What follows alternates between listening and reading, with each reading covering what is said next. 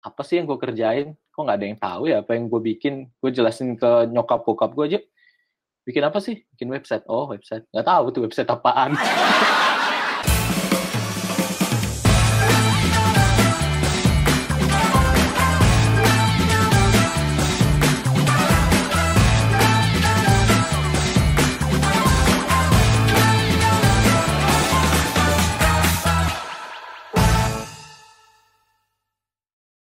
Halo guys, masih di ruang drama bareng gua Doni, Pram dan Rama. Kali ini kita kedatangan tamu lagi nih.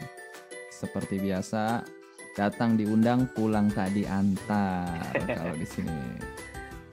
Ya, dia adalah Ervandra Halim, seorang senior software engineer dan content creator. halo semua Bukan drummer ya? nggak basis gue Itu mah Eca Sumantri. Itu Mirip, ya? Sumantri. Beda muka, beda namanya. Beda. Mirip tapi. Ya, tapi Mirip wajahnya sih, cuma mirip. beda nama. Wajahnya mirip sih, Arf. Mirip si Eca ya. Eca Sumantri ya. Van, lu tadi waktu kemari susah nggak nyarinya? Nyari alamatnya susah nggak? Sempet nyasar nggak? nggak ada angkotnya nggak ada angkotnya Nggak Naik ada ya? becak. Jangan naik angkot, naik becak. Baru nyampe. gojek nggak ada yang mau Naik delman biar ke kota. Oke Van, tadi kan gue baru cuma ngasih eh, insight aja nih sedikit bahwa lo adalah eh, seorang software engineer dan digital creator atau content creator lo sebenarnya. Ceritain dong. Ehm, Oke. Ya gua gua sih 8 tahun lebih itu kerjanya ya jadi software engineer belakangan. Gue kerja di startup sekarang. Sebelumnya juga gue ya bermula karirnya ya jadi web developer dulu-dulu itu. Kerjaannya ya bikin website. Cuman sekarang mulai teknologi makin modern ya gue belajar banyak. Nah sekarang gue belajar kayak bikin web aplikasi, gue belajar eh, teknik digital marketing juga udah mulai belajar juga terus terakhir gue belajar bisnis development juga ya seiring bikin produk di startup tuh ya gue ngelihat orang-orang praktisi yang menjalankan bisnis ya gue belajar juga jadinya di situ Oke oke. Oke Van, kira-kira begitu ada penampakan.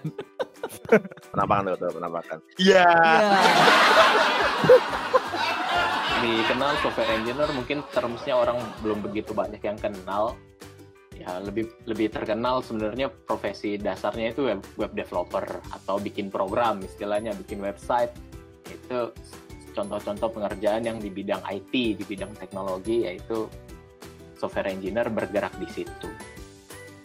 Ya bikin software lah bikin software itu bikin aplikasi itu termasuk software semua. Yang kita download di Google Play itu ya termasuk engineer itu yang bikin, developer itu yang bikin.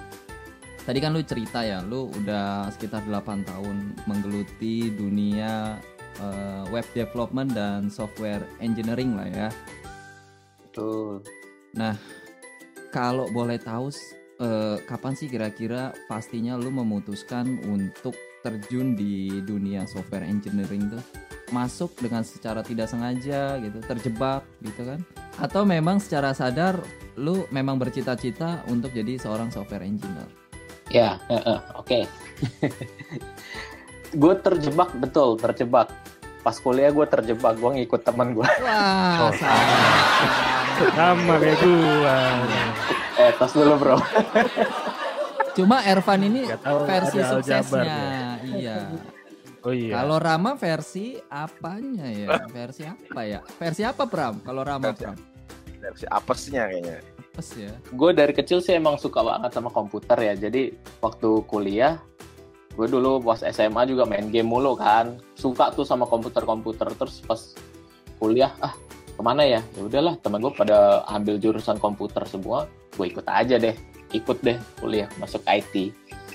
Harapan gue ya gue bakal bergelut sama komputer, gue bisa main game lebih banyak gitu dulu.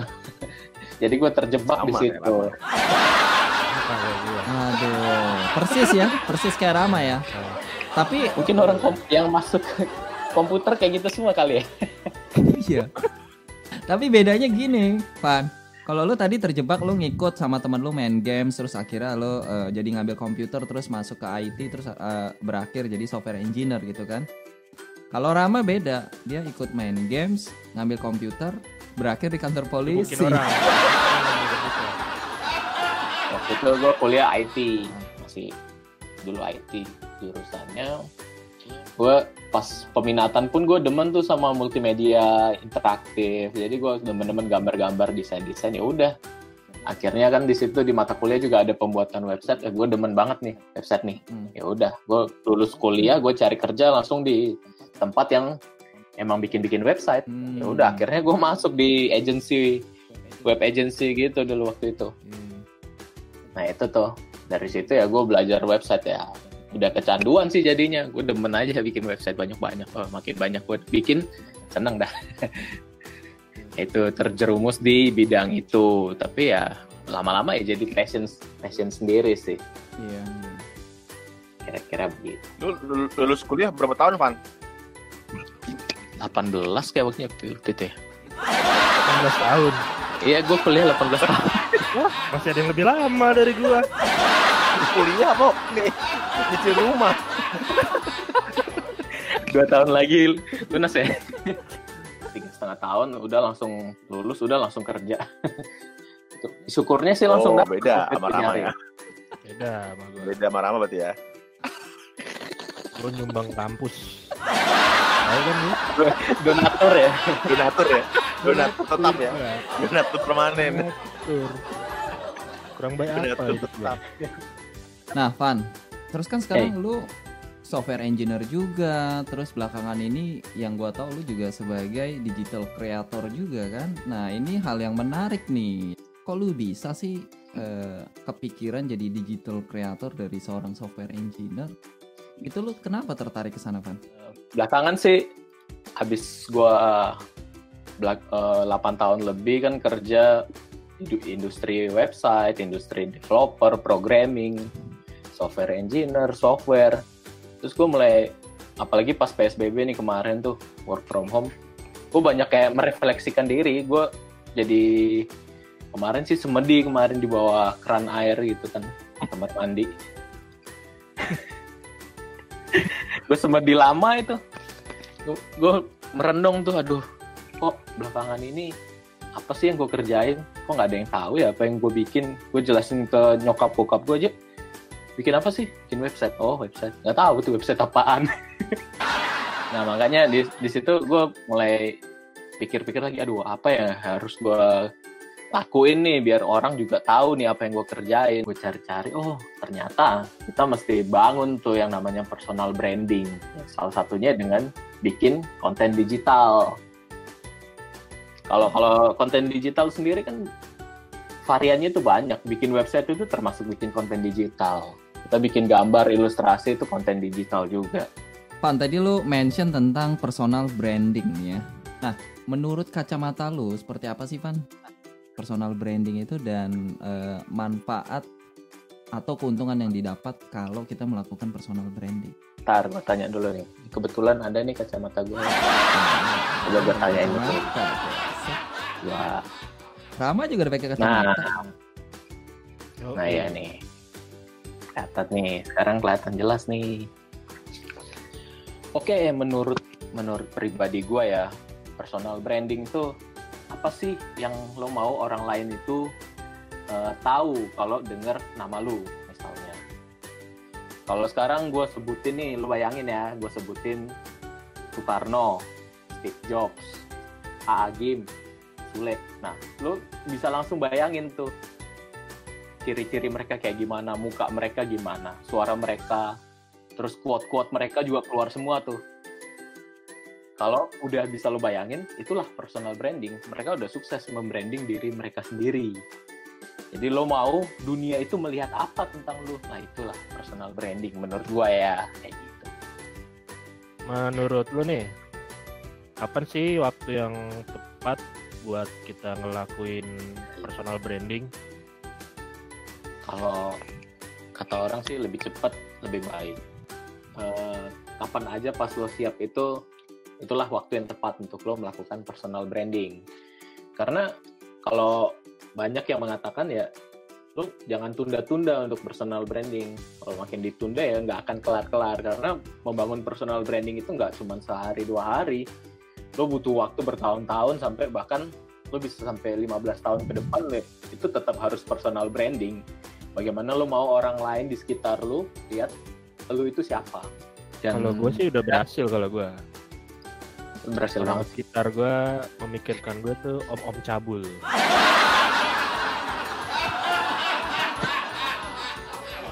Tadi kan lu mention kalau semakin cepat semakin baik ya. Ada Oh, istilah betul. kada luarsa nggak sih kalau di personal branding? Telat lah Oh. gitu. Nggak ada, dia nggak pakai bahan pengawet soalnya. Aman, lanjutin terus. ya, personal branding itu sejauh apa lo mau bangun eh, brand dari lu sendiri itu sejauh apa lo sampai kapan lo mau bangun? Bisa aja 10 tahun lagi lo mau berhenti, ya udah gua udah selesai nih, gua nggak mau urusan sama dunia, ya udah silahkan gitu. Wah mati dong. Itu dia. Gak mau urusan lagi sama dunia. Nggak ada kata terlambat sebenarnya walaupun ya kalau udah tua sih udah bingung juga sih mau personal branding apa lagi Nah, gua ada pertanyaan nih, Van. Kita ingin melakukan personal branding terhadap diri kita sendiri gitu. Eh, ada nggak sih patokannya kayak misalkan kita cari dulu yang yang uniknya dari diri kita itu apa lalu kita keluarkan atau bagaimana sih eh, apa namanya mendalami atau menelusuri diri kita sendiri lalu kita melihat bahwa oh ini loh potensi yang bisa kita jadikan sebagai personal branding atau gimana sih sebenarnya? ya eh, bagus bagus. Pertanyaan lu itu bagus banget. Itu yang dari untuk orang yang mau personal branding hal itu adalah hal utama yang lo harus cari tahu. Lo harus tanya ke diri sendiri itu bisa bisa seminggu sampai sebulan lo bisa harus bertanya ke diri sendiri tuh. Itu namanya self self awareness jadi kita nyadar diri istilahnya. Nyadar diri lo harus cari dulu eh, kekuatan lo apa passion lo apa sama kekurangan lo. Kalau lo udah pokoknya catat tuh sebanyak mungkin yang lo tahu. Kekurangan dan kelebihan sama passion lo apa. Itu tahap awal kalau lo mau personal branding kalau udah lo tahu lo cari passion sama kekuatan lo. Itu yang digabungin jadi branding lo. Jangan kalau lo misalnya nggak bisa desain misalnya tapi lo mau jadi desainer lo mau branding diri lo sebagai desainer kan nggak akan masuk tuh. Nah lo harus cari kekuatan lo dulu. Apa yang lo bisa rajin. Contoh rajin rajin itu bukan bukan kekuatan bukan kelebihan kita sebenarnya. Itu sifat dan semua orang itu harus rajin. Apalagi lo mau branding rajin itu udah wajib istilahnya kayak gitu itu self awareness itu poin nomor satu kalau mau jadi mau belajar personal branding Oke, mantap. Oke. Pram, lo ada yang mau ditanyakan nggak Pram? Nah, sekarang giliran Pram nih. Kayaknya dia dari tadi ngangguk-ngangguk aja. Udah, Kayaknya iya, dia mulai bagus, paham, mulai mengerti dia. Gue sok, gue sih, gue pura-pura ngerti aja, pura-pura ngerti gue. Iya, iya. Kelihatannya gelisah deh dari tadi Dia memang selalu Gue gelisah, pengen Van. nanya.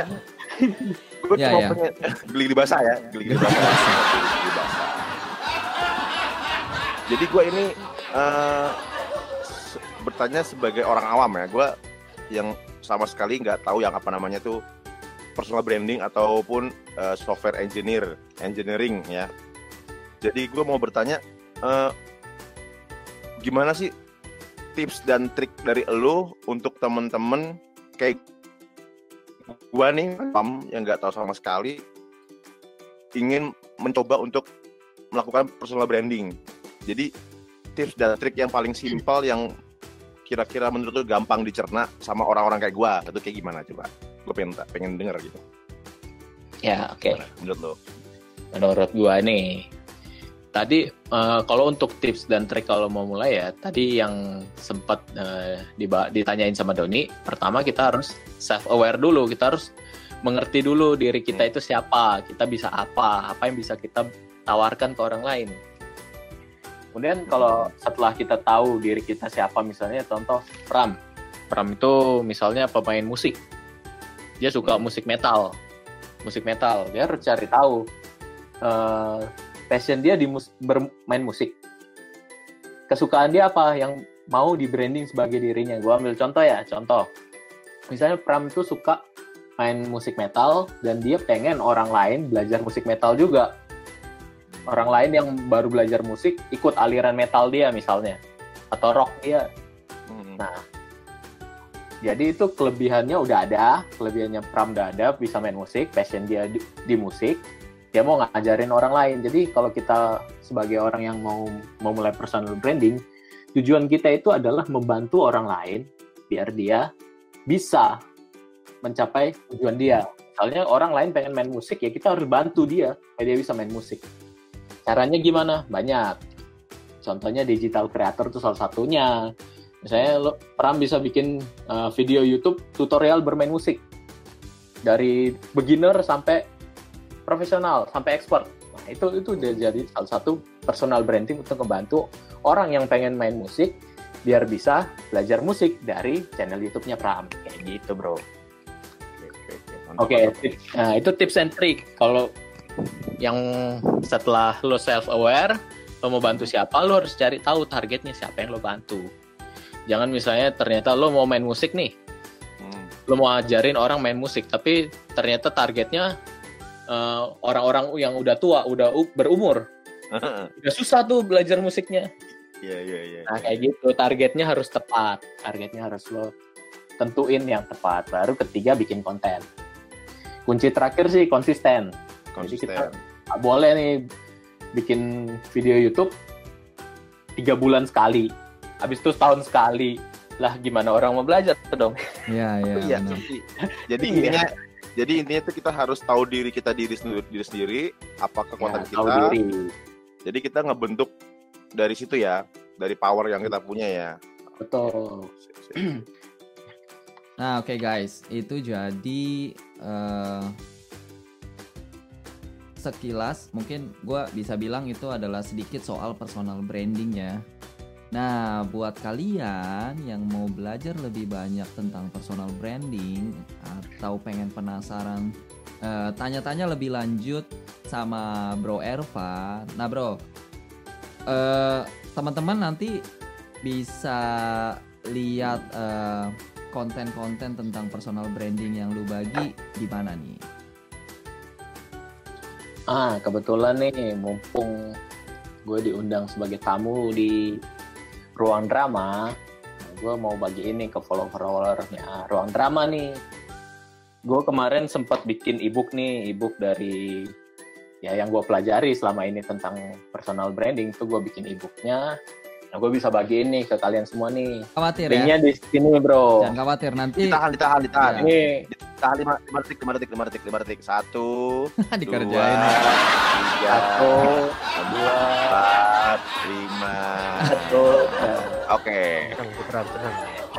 Gak usah khawatir, nanti linknya kita taruh di eh, kolom deskripsi di bawah ini. Ya kalian bisa temukan nanti linknya eh, di ervandra.com slash ebook ya. Nanti juga kalian bisa follow Jadi kalian jangan bawah Instagramnya. Ya kalian kalian bisa follow juga Instagramnya Ervan. Terus apalagi Van? Eh, Instagram. itu aja. Di Instagram situ ya. uh, channel gue nyebar semua, tenang aja. Oke guys, sayangnya episode kali ini harus berakhir di sini. Jangan lupa untuk subscribe, share, dan Iya. Like seperti biasa. Jadi, Terima kasih buat Ervan yang sudah mau eh, datang capek-capek mencari alamat sampai kesasar tadi ya Van ya. Mohon maaf sekali. Gue takutnya nggak bisa Nah. pulang sih ini. nggak apa-apa, nggak apa-apa. Jangan rama-rama ya. Jangan rama ya. Hiburan. Ke rumah lu dong. Kumpul lagi dong. Iya, ya. Iya. Nggak Iya. pulang ya. jadinya ya.